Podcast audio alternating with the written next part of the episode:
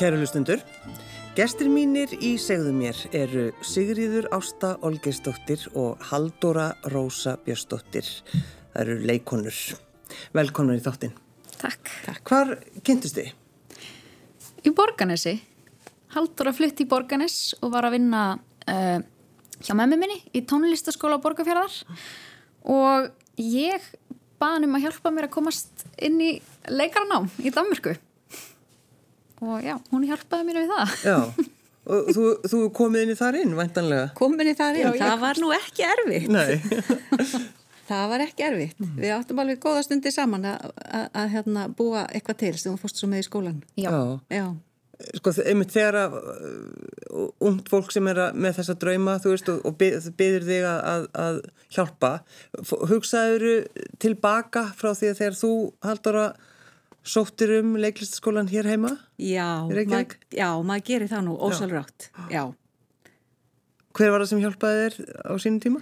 heyrðu, það var hann Viðar Eggertsson sem hjálpaði mér Já. ég hafði semst verið í mentaskólanum í Reykjavík og var þar í herranótt og uh, þar leikstyrði mér Kolbrún Halldórsdóttir Oklahoma og ég leik þar og söng aðna í, í því leikriti og svo uh, í, í þriðabekki mentaskóla var ég í, uh, með honum viðari ekkersinni og við settum upp náðarskotið á Broadway sem sagt Broadway hérna, okkar já. Og, og, og það hérna var svona já, að okkur fannst tímamótaverk en þá hérna eh, hérna urði við á, ágætis vinnir, ég og Viðar og, og, og hann, hérna, hún fannst það bara ófært annað en að ég myndi sækjum leiklistaskólan Já. Þannig að hann hérna stutti mig í því Hva, hvað sagði Haldur á við þig þegar þú, þú veist, uh, vildir fá leiðsögn og, og, og hvernig var það? Vá, ég, vá, bara, hún var svo kvetjandi, sko, hún, en það var svo fyndið, þú veist, hún var, sagði, gaf mér alls konar tips og var að byggja mig um að gera alls konar, sem að ég fattaði svo setna, hva, þú veist, þegar ég lærði í náminu, þá fattaði ég hvað hún var að byggja um þá, sem ég skildi kannski ekki, fyrir en ég var síðan komin í námið og skildi, mm. en hún var svo sniðug, þú veist, að lauma að mér einhverju svona, einhverju svona, hvernig ég ætti að hugsa þetta, skilur Já, já. það var, og svo bara sá hann já, svo bara kemstur og glein og þá einhvern veginn hafði ég einhvern veginn engar ági, eða þú veist, jú var ég bara til í þetta sko. En sko, mér var sagt semst að þú, þú varst alltaf, sko, þú byrjaðir í, í uh, söngnámi Já. og það, það var bara þinn draumur, er það ekki? Þú ætlaði bara Jú. verða óperusönguna og... það var sko þannig, ég var í Borganesi og ég man bara daginn sem ég ákvaða að ég ætlaði að verða óperusönguna mm. þá var sko um tvent að velja að halda áfram að búa í Borganesi og vera í, fara í mentaskólan þar og svona eða hleypa heimdraganum og flytja til Reykjavíkur. Og þá hugsaði ég, ok ég ætla að verða óperusönguna þá verði ég að fara til Reykjavíkur fara í söngskólan í Reykjavík. Og ég bara fór í indugpróf þar og stemdi á það næstu svona sex árin og fór svo áfram til Vínaborgar í framhaldsnám. Og þar svona fór ég að skrópa og, og Já, þú, þú fórstist að, að, að skrópa í söngtímanum. já, í Vínaborg. Já, en ég var mjög samskuðsami nefnandi á Íslandi þá, þá var ég hjá Ólifu Kolbrúnu Já. og ég bara elskaði þetta nám og þetta hefur náttúrulega gefið mér þau vílíkt mikið, ég bara var hann til rattbeitingu og alls konar. En svo er ég komin hann til Vínar og ég bara, mér langar bara að vera að leika. Og ég fer í auka tíma hjá leikarakennaranum þar, eða leiklistakennaranum þar og ég svona ringi mig veika í söngtíma því að ég ætla að fara eitthvað námskeið í leiklist og eitthvað. ég er eitthvað svo slæm í hálsinum. Já, þannig að það var svolítið þannig sko. Og þá, og ég man ekki eins og eftir að hafa sko sóttum í skólan. Ég man bara að ég var búin að sækjum og var á leðin í þetta eintökupróf og þá byrði ég haldur um að hjálpa mér. Já, já.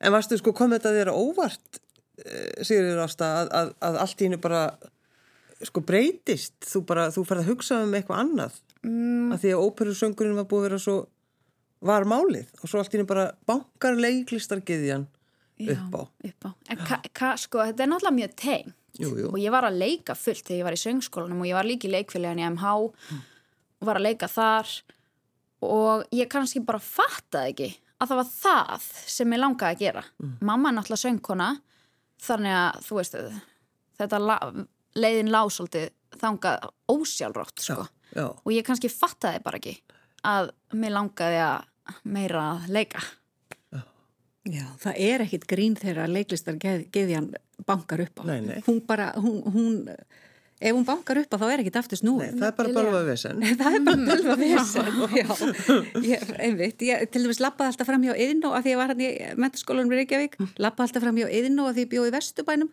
og á leiðinni heim þá stoppaði ég alltaf í kassan þar sem voru leikaramyndinar og þar sá maður hvaða síningar voru í gangi og ég einhvern veginn eh, bjóð mér alltaf til tækifæri til að fara í leikús og horfa. Það var ekki það að væri sko í fjölskyldunni nokkuð skapaða hlut, heldur bara leiklistageðjan, hún bara, hún kallaði á mig. Já, já. Já. Og svo endaði náttúrulega með því að þú, fó, þú ferði í leiklistaskólan uh, og, Já, ég, og sko, það, það sem að eh, ég man eftir með, með þig, Halldóra, að þú varst sko rosalega góð leikona og þú fegst svo, þú varst að leika svo skemmtileg hlutverk. Svo allt í henni bara ferðu. Og maður hugsaði bara, hvað er eitthvað að konunni? já. Fegstu, það er 2008 er það ekki, það sem þú bara hættir í leikusinu. Uh, jú, það er 2008 sem ég bara fer yfirgef leikúsið og það var, já, það var önnur giðja sem kallaði á mig. Ástargiðjan. Ástargiðjan. Bara, það, var, það er bara það, þú verður bara, Já. þú verður ástfangin. Já, og ég bara varð að fylgja henni. Það, já, ég bara varð að fylgja henni og, og gerði það. Og uh, það er alveg mjög töff að hafa tvær giðjur yfir sér. Það er ekki auðvelt. Og hver er þessi maður? Hann heitir Úlvar Lúðvíksson og við bara urðum alveg óbáslega skotin 1987. Já. Og, og þannig að hann fer, eh, hann fer að vinna það ekki fyrir vestan. Jú, svo þarna á þessu tímabili 2008 þá fer hann að vinna fyrir vestan á Patrísfyrði, ræður sig þangað sem síslumann og ég bara, ég ætlaði fyrst að vera heima í Reykjavík og, og, og reyna að halda, halda mér þar sem sagt. En ég gata ekki, ég meira að segja að var að æfa hlutverk. Ég var að æfa hérna í leikriti sem átti að setja upp, sumarljós og svo kemur nóttin og ég átti að leika þar síslumannsfrúna og við vorum byrjuð að æfa það.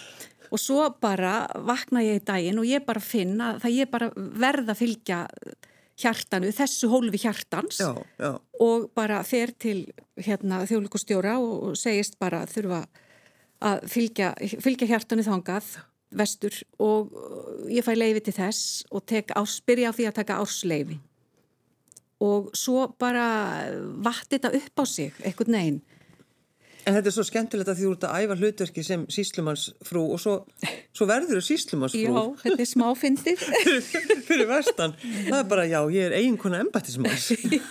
Já, já, og ég held ég að vilja hafi sko, svona, ekki alveg haft húmor fyrir því þá, þetta Nei. voru alveg, þú veist, átök og allt þetta, en ég, mér finnst þetta, er þetta ekki bara smáfindið? Þetta er náttúrulega bara mjög skemmtilegt, þetta er bara lífið eins og verður bara skemmtilega. Já. En fegstu sko, fegstu mjög sko frá, fólkinu þínu og, og, vinnufélögum.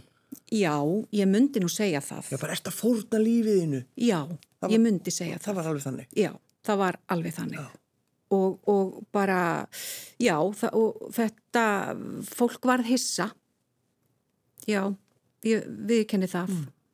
En ég var ekki svo djúft hugsið þá yfir því hvað öðrum fannst eða kannski gerði ég mér ekki grein fyrir hva, hva, hvað ég var að yfirgefa, ég veit það ekki. Nei, nei. En ég allavega varð einhvern veginn að fara þessa leið, eitthvað innra með mér, varð að fara þessa leið, en það sko merkilega er að því nú er liðin næstu jafnlangu tími frá því ég yfirka þjóðlíkusið, eh, eins og tími sem ég var að vinna þar og þ- sko það merkilega er að ég bara finn það svo stert að leiklistin er bara algjörlega partur af mínu lífi. Og á móti kemur, á móti þessu öllu kemur að það, þessi, þessi óbáslega þráhyggja í leik, yfir leiklistinni að það, það er rosalega gott líka að finna það, að finna bara ég, ég verð að vinna við leiklist, ég bara þetta, þetta er bara, ég fættist til þess. Því að ég mann þegar ég var lítill krakki að ég horfið á hendurnar á mér og fætur og búkin og, og hugsaði bara það er skilda mín að nota þetta til að sína öðru fólki hvernig hægt er að gera í lífinu eða eitthvað svona, wow. þetta er bara og, og stundum bara í fjölskyldinu ef eitthvað uppákomur voru þegar ég var krakki að þá hugsa, þá einhvern veginn var ég setti ég mig alltaf einhvern veginn út í hotn og fór að hugsa, já þetta er eins og eitthvað leikrit. Já. eða bara, já, já það, hvað er þetta að gera við þetta í staðan fyrir að lifa inni, ég veit það ekki. Ég, þetta er bara, maður ræður ekki við En svo, svo þarna 2008 þú ert að hætta að þá ertu sko búin að vera að leika í kæru í elunum Já. Og þetta var náttúrulega þessi síningsló algjörlega gegn. Já, emitt ég, hérna, sko, ég er endalust þakklátt Stefáni Baldusinni í fyrsta lagi fyrir að hafa ráðið mig inn í þetta leikús algjörlega græna bak við eirun, ný útskrifaða stúlku. Mm. og hann ræði mig sko hvert hlutverki á fætur öðru. Og þetta er sko, þetta er bara þessi saga er engu lík í rauninni. Og ég bara vann þetta á fullu og var ekkit að horfa í eitthvað baksýndi speil eða þetta bara gerðist einhvern veginn. Þóraldur Sigursson uh, setur upp kæru Jelenu. Ég er ný útskrifuð og við fyrum að æfa þetta leikrit og vissu náttúrulega ekkert þá að það er því sínt 200 sinnum og fór tvísar á leikferð. Þetta sló algjörlega gegn í síning. Já, það gerði það. Já. Þetta var ofsalegt ævintýri og bara jafn mikil skóli eins og að fara í gegnum leiklæsaskólan mm. fyrir mann sem unga leikonu. Þannig að maður egnaðist alveg ofsalega mikla reynslu. Hvernig finnst þér að heyra svona sögu, þú náttúrulega þekki sögun hennar, Sigriður Ástæð, mm. en bara svona, þú veist, þegar að draumatinn er svo sterkir en samt svo, bara, svo kemur bara lífið Já. og breytir öllu. Mér finnst sko, þetta er náttúrulega fáranlega inspirerandi. Líka bara að heyra Haldur tala um leiklistina og hvernig hún lifir hana. Já, já. en líka þú veist ég meina mér finnst þetta eitthvað óhugsandi að yfirgefa þetta núna á þeim stað sem ég er. Ég er bara ha? Já, ég er alveg þar. En, Ertu, en það er líka svo inspirandi mm. að vera bara inn í sannleikanum alltaf og fylgja því. Og það er einhvern veginn, vá, mér finnst það svo fallegt En líður manni þá ekki líka bara vel þegar maður, er, þegar maður lifir þannig lífi að vera bara lifa í sannleika? Sko mér líður mjög vel núna en vissulega voru þetta átök stundum mm. innra með manni og uh, ég saknaði stundum að eiga ekki samtal við leikúsfólki mitt af því ég var svo langt í burtu frá því uh, en í dag að þá er ég mjög sátt ég til dæmis myndi ekki þekkja Sigriði Ástu í dag mm. ef ég hef ekki farið mm. og við varum ekki að vinna þessa síningu í dag ef ég hef ekki farið já. þannig að já En þú er svona uh, þú kemur svona allt í núna er það ekki? Hvað, í fyrra já. eða eitthvað? Jú, sem sagt við, við hérna, ég ringdi í hana Þóreju Sigþós og Ingebergu Gretu skóla sýstur mínar úr leiklisaskólanum og sagði við þær nú eigum við 30 ára ammali, eigum við ekki að gera eitthvað stelpunar? Algjör naglar, alla þrjár? Já, þetta, við vorum að átt í bekk, svo voru fimm strákar og ég hugsaði með mér, sko, ok, það er og flóki að kalla strákarna líka. Við, þessi bekkur, áttabari bekkur, þetta verður og flókið, það mun aldrei verða úr því, sko, það er allir svo uppteknir. Við erum út um allt þessi, þetta fólk. Þannig að þetta var svona, mér varst þetta svona raun, uh, rauns, raunsætt að þetta er, gæti orðið að veruleika. Já. Og þá kemur hérna, og við fundum nokkur sinnum og dustuðum ríkið á mónulókonum sem við þurftum að flytja uh, í þriðjabekk.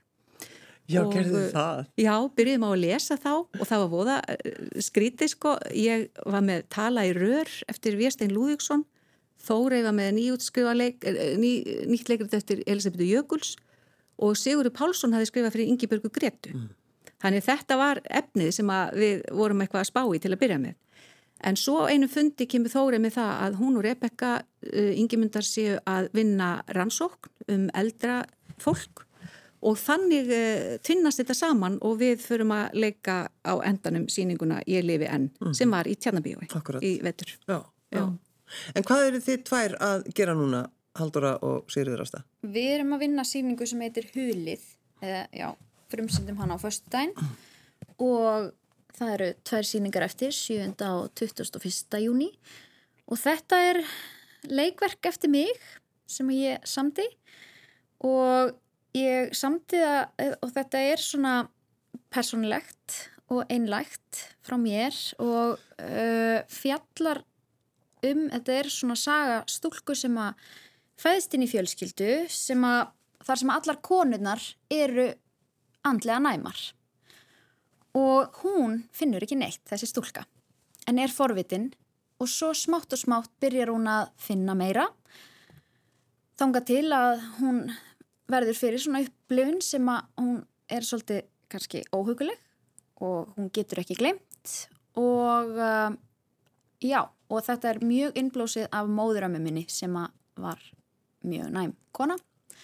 Og hún er spila svolítið stóran part í þessu verki Já, þannig að þú ert svona alveg upp í húsi andana einhvern veginn, þú veist að, að fólk trúir... Ég má alveg segja það, sko. Já, fólk syns að það þarf ekki að ræða þetta en bara, bara jú, jú, við trúum á bara Ég, það er svolítið svona, og... nei, nei, hvað er mikið trafík hér? Já, það er svolítið þannig. Ég hef ekki búin að bjóða öllu þessu fólki. Fólk, já, það er alveg þannig. Og var ammaðinn alveg sko mjög næm með það? Já, og hún meiri sig að, þú veist, hér, lokaði smá á það, sko. En, en var allan, og berðdreimin og það er svo merkilegt um leið hún dó, mm. þá var mamma berðdreimin. Það er sko engin tilviljun til. Nei. Já. Þannig að þú, þetta er eitthvað sem uh, þú trúir á. Já, og ég ræði ekki við það. Ég bara trúi. Mm. Og finn sjálf. Og þetta verk er svolítið um það og ég, mig langaði svo segja þess að sögu því að við eigum öll, við, við höfum öll heyrt sögur um álfa, huldufólk.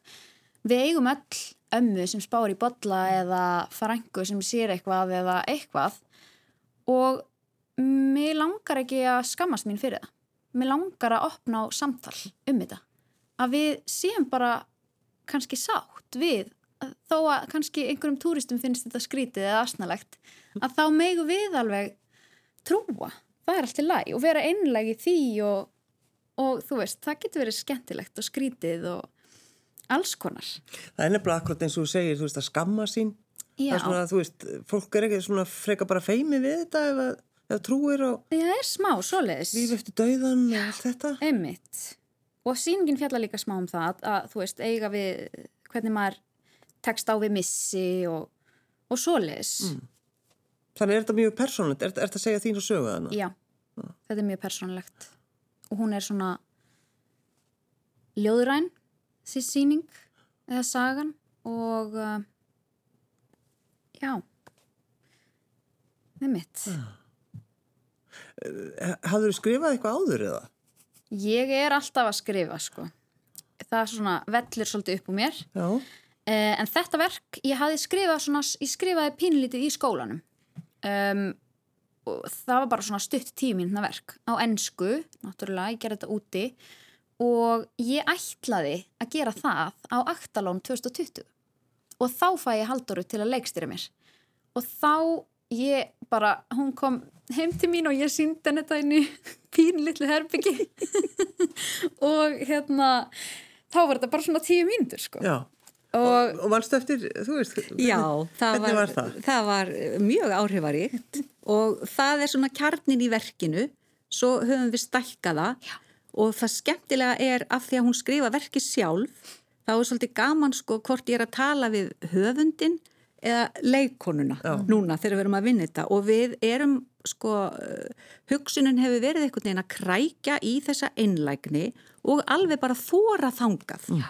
Það er alveg áskorun og sérstaklega með þetta efni. En uh, við eh, höfum unnið þetta þannig og það er einmitt skemmtilegt hvort ég er að eiga samtal við skáldið eða leikonuna Já, já, já. í ferlinu. einmitt. En ertu hissa á því að, að hvað gekk vel að skrifa? Nei, ég er það ekki ef ég á að segja svo er. Ég bara uh, það bara kom sko. Ég veit að því að einhvern veginn það er sko, það er ekki hausinn sem er að skrifa, það er mægin Mm. meira og það bara hann veit alveg hvað hann vil segja en svo þarf ég að útskýra kannski í einhverju svona viðtali um hvað þetta er það er kannski aðeins getur erfiðara. Já, þá þarf hausinn að koma á Já.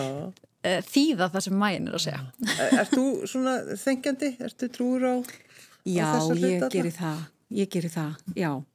En ég get ekki sagt ég hafi orðið fyrir einhverju sterkri reynslu á, í sambandi við þetta sko en, en mér finnst þetta mjög spennandi og, og eiginlega aðtiklisvert hvað þetta er svona smá feimnis mál. Það, það er það. Já. Það er bara þeir sem byrja að tala um þetta og segist trúa, það er bara, þú veist, Já. fólk er bara afgreitt. Nefnilega. Já. Það er nefnilega málið. Þessi búið skrítin, hún sigurður ástæðan rosalega skrítin.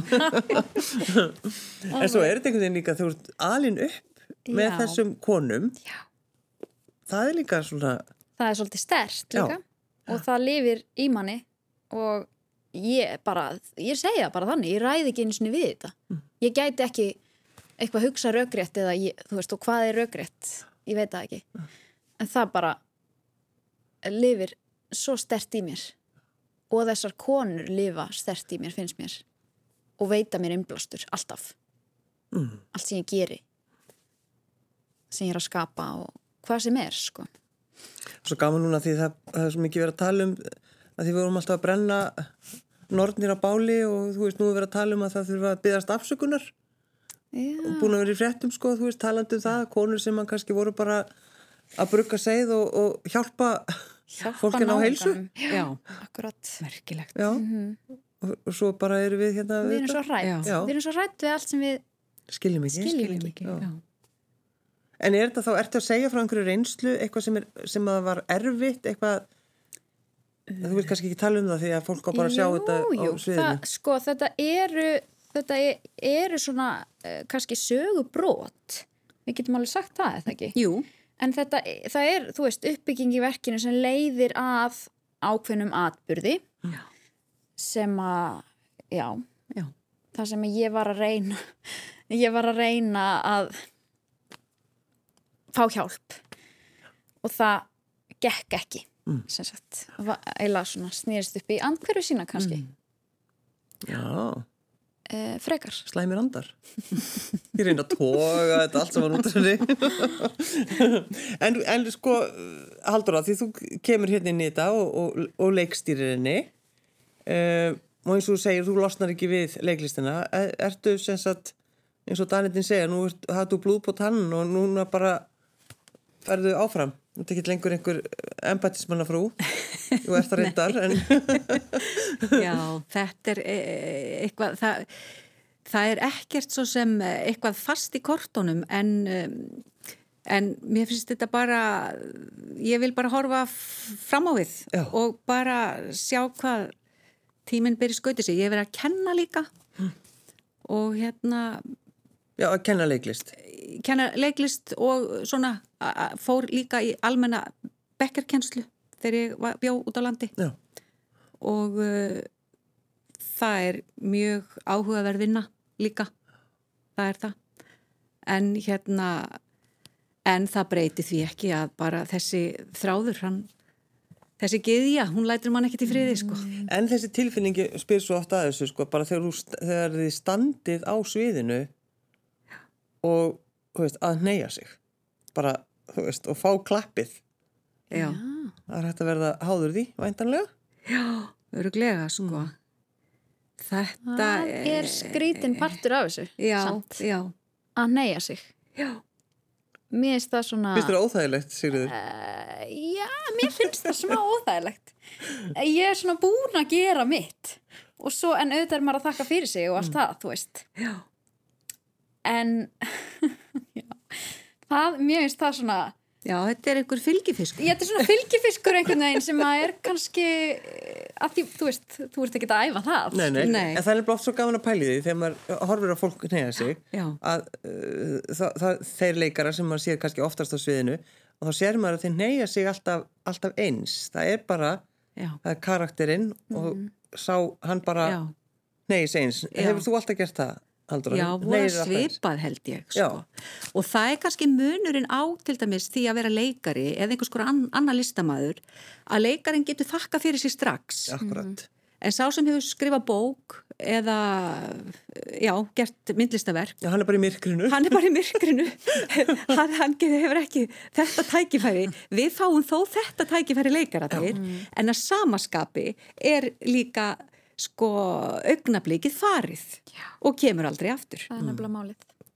Þannig Það er að það. þar uh, við uh, sitjum uppi með það, leikararnir. Já, já, nákvæmlega. Það er bara farið, Var ég að það? var ég þarna. Gerðist þetta í alveg? Best að fara að mála. Já, en uh, hvað er svona, þú veist, að að kenna leiklist eins og, eins og þú hefur verið að gera, þú veist, finnst þér að, færðu alveg bara eitthvað út úr því, finnst þér gaman? Ó, henni finnst það ekki gaman. Þessi þögg segir allt. Sko, maður fær ekki það sama út úr því. Nei, Það er ekki alveg það Maður sama. fær ekki það sama út úr því. nei, Maður er svona, já, maður er að opna fyrir, styðja við og þess aftar, en maður fær ekki, sko, maður nærir ekki þessa sál. nei, nei. Nei.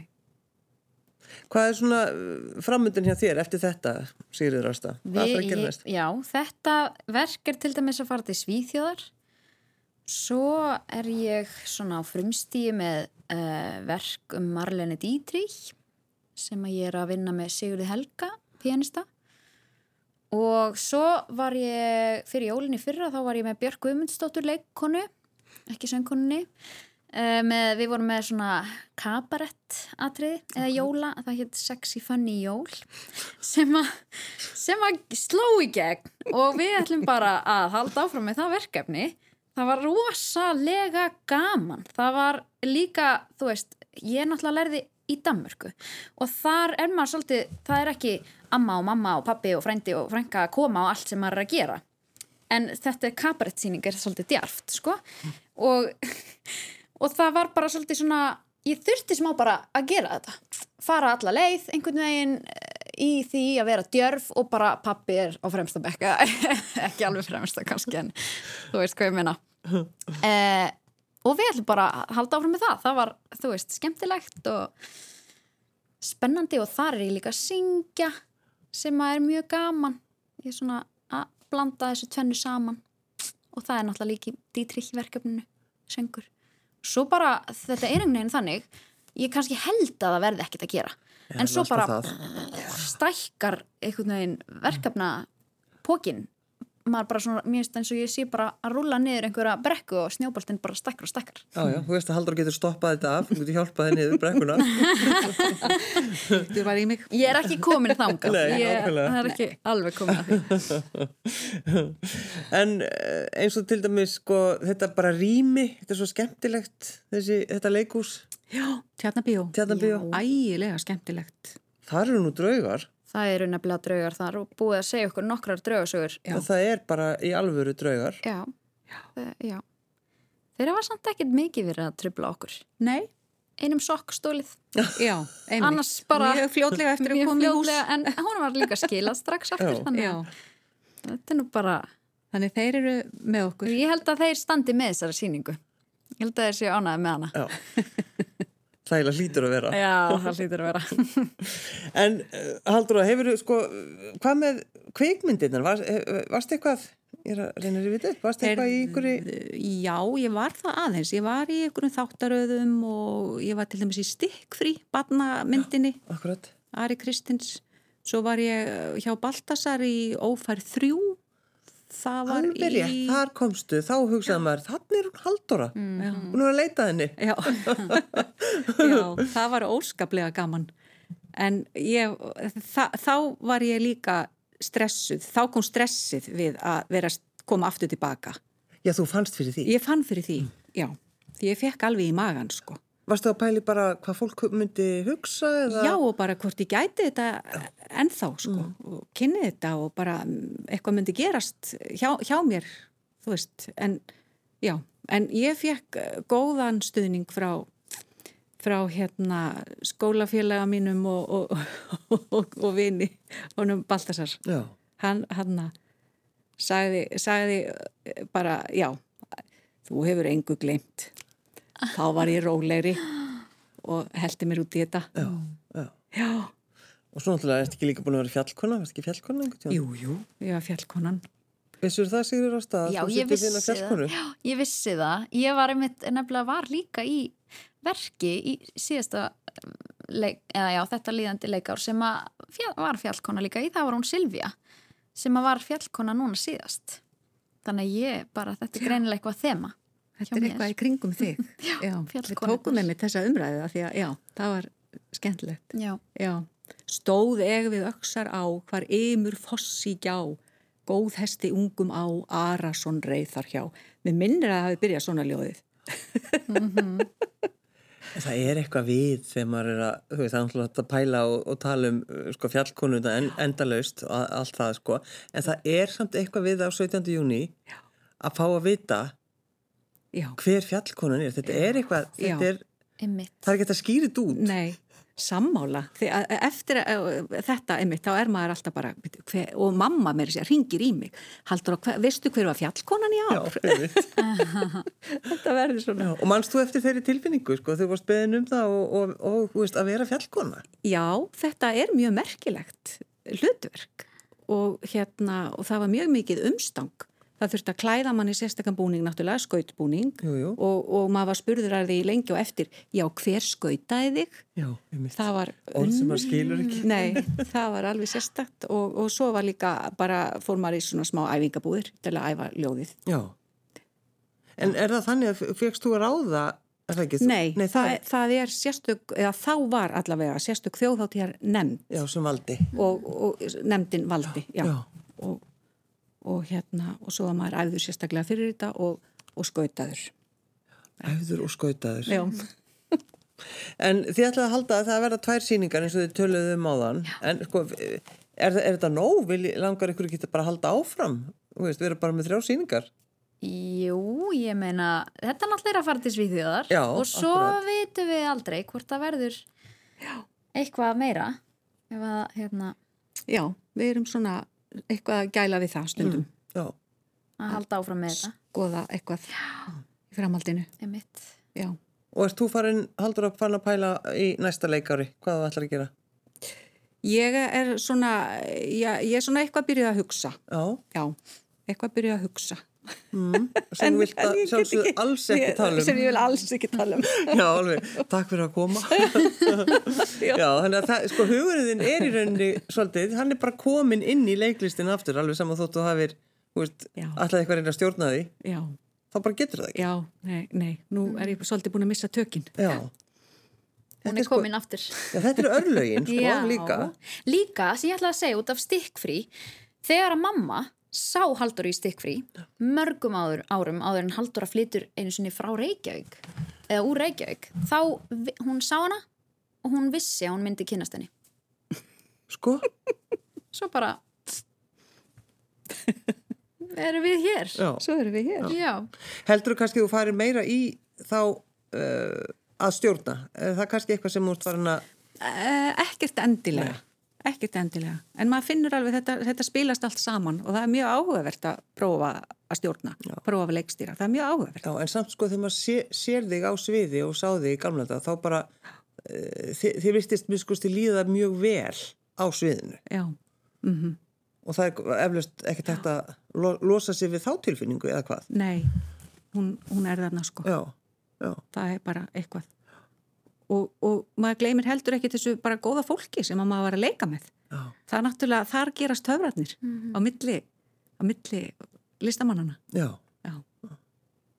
En aðeins að því þú ert að tala um Svíþjóð, hvað, hva, er þetta einhver svona hátíð Er einhver hátíð, já. Og ætlaði að fara báðar eða? Nei, ég tek fjölni Gíslason með mér sem að lýsir sýninguna. Mm Hann fyrir með mér. Já. Og hann er algjör töfra maður, sko. Já. Og það er bara frábært að hann fylgi, hún var keift þarna inn á þessa hátíð, Já, þessi sýning og það er bara spennandi verkefni, sko, að Já. flytja hana Já. út. Ég kennst ekki með. Ég, en, en svo ertu ekki svo líka á frins? Jú, svo er sýningin á Fritz. Núna, það er bara í beinu framaldi af í beinu framaldi af í raun og veru okkar sýningaferli Já. þá verður hún Tekur á? Fritz líka já, já. þannig að það verður líka hægt að sjá hana þar Það verður nóg að gera. uh, ég baði ykkur að velja lag. Og þú, Sigriður Ástarþæki, þú valdi lagið, sagði við hana bara, sagði við haldur hvað þið ætlið að hlusta. Já, ég fekk að ráða þessu. Já, hvaða lag er þetta? Það er Dancing Barefoot með Patti Smith. Já, einhver ástæða fyrir því eða? Mér finnst það alveg tala inn í sýninguna. Það gerir það alveg af því það er svolítið hérna hvað hva segir maður, svolítið punk eða þú veist, það er svolítið svona hún er alveg í tilfinningunni en hún er líka jarðtengt og hún er eitthvað, æ, þú veist whatever, ég bara sleppum okkur, bara við, erum, við erum bara í mómentinu og dansum berfætt og þú veist. Hún, hún geymir eh, Dr. Martins skona sína og, og dansar já, á tánum. já, já, Sigriður Ásta Olgeistóttir og Haldur og Rósa Bjöstóttir takk fyrir að koma. Takk sömulegis Takk.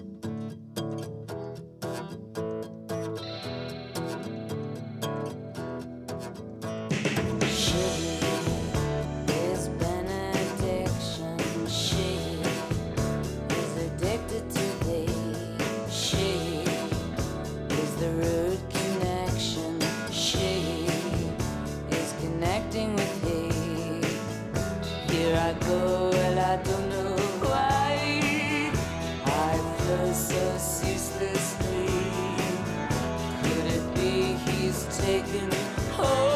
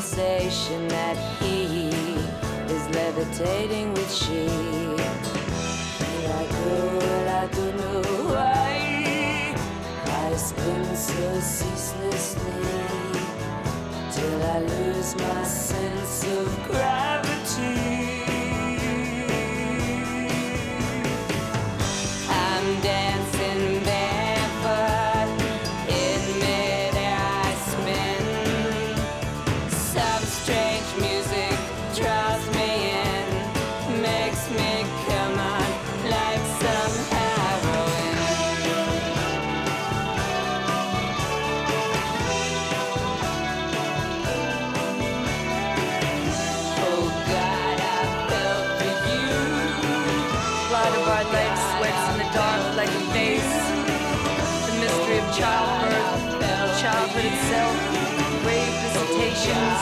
What is it that calls us? Why must we pray screaming? Why must not death be redefined? We shut our eyes, we stretch out our arms and we're on in a pane of glass. An asphyxiation, a fix on anything, the line of life, the limb of a tree.